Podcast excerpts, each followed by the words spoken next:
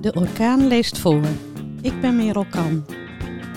Medewerkers ZMC gaan in maart staken.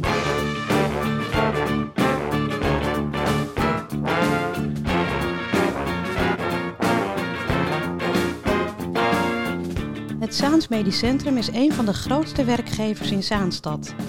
Om maar nabij halverwege deze maand, de datum wordt nog niet exact bekendgemaakt, zullen de medewerkers overgaan tot een middel waarvan ze vanuit het zorg-DNA liefst ver van verwijderd blijven. Er wordt gestaakt. In de zorg- en welzijnsbusiness zijn de mogelijkheden om een vuist te maken beperkt. Mensen die er werken weten dat cliënten mensen zijn waarmee ze zorgvuldig om moeten gaan. Zij mogen nooit de dupe worden.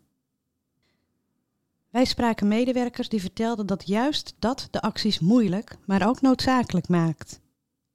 Quote: Onze actie zal bestaan uit het draaien van zondagsdiensten. Dat is tegen natuurlijk, want we willen er zijn voor de patiënten. We doen het toch omdat we hopen dat het op lange termijn in het voordeel van goede zorg is. We hebben waardering en een goede CEO nodig om te kunnen blijven functioneren.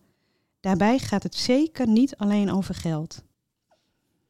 De vakbonden eisen van de NVZ, dat is de Nederlandse Vereniging van Ziekenhuizen, onder andere 10% loonsverhoging, volledige reiskostenvergoeding en het recht om niet bereikbaar te hoeven zijn buiten diensturen. Bij het draaien van zondagsdiensten gaat het actiecomité niet over één nacht ijs.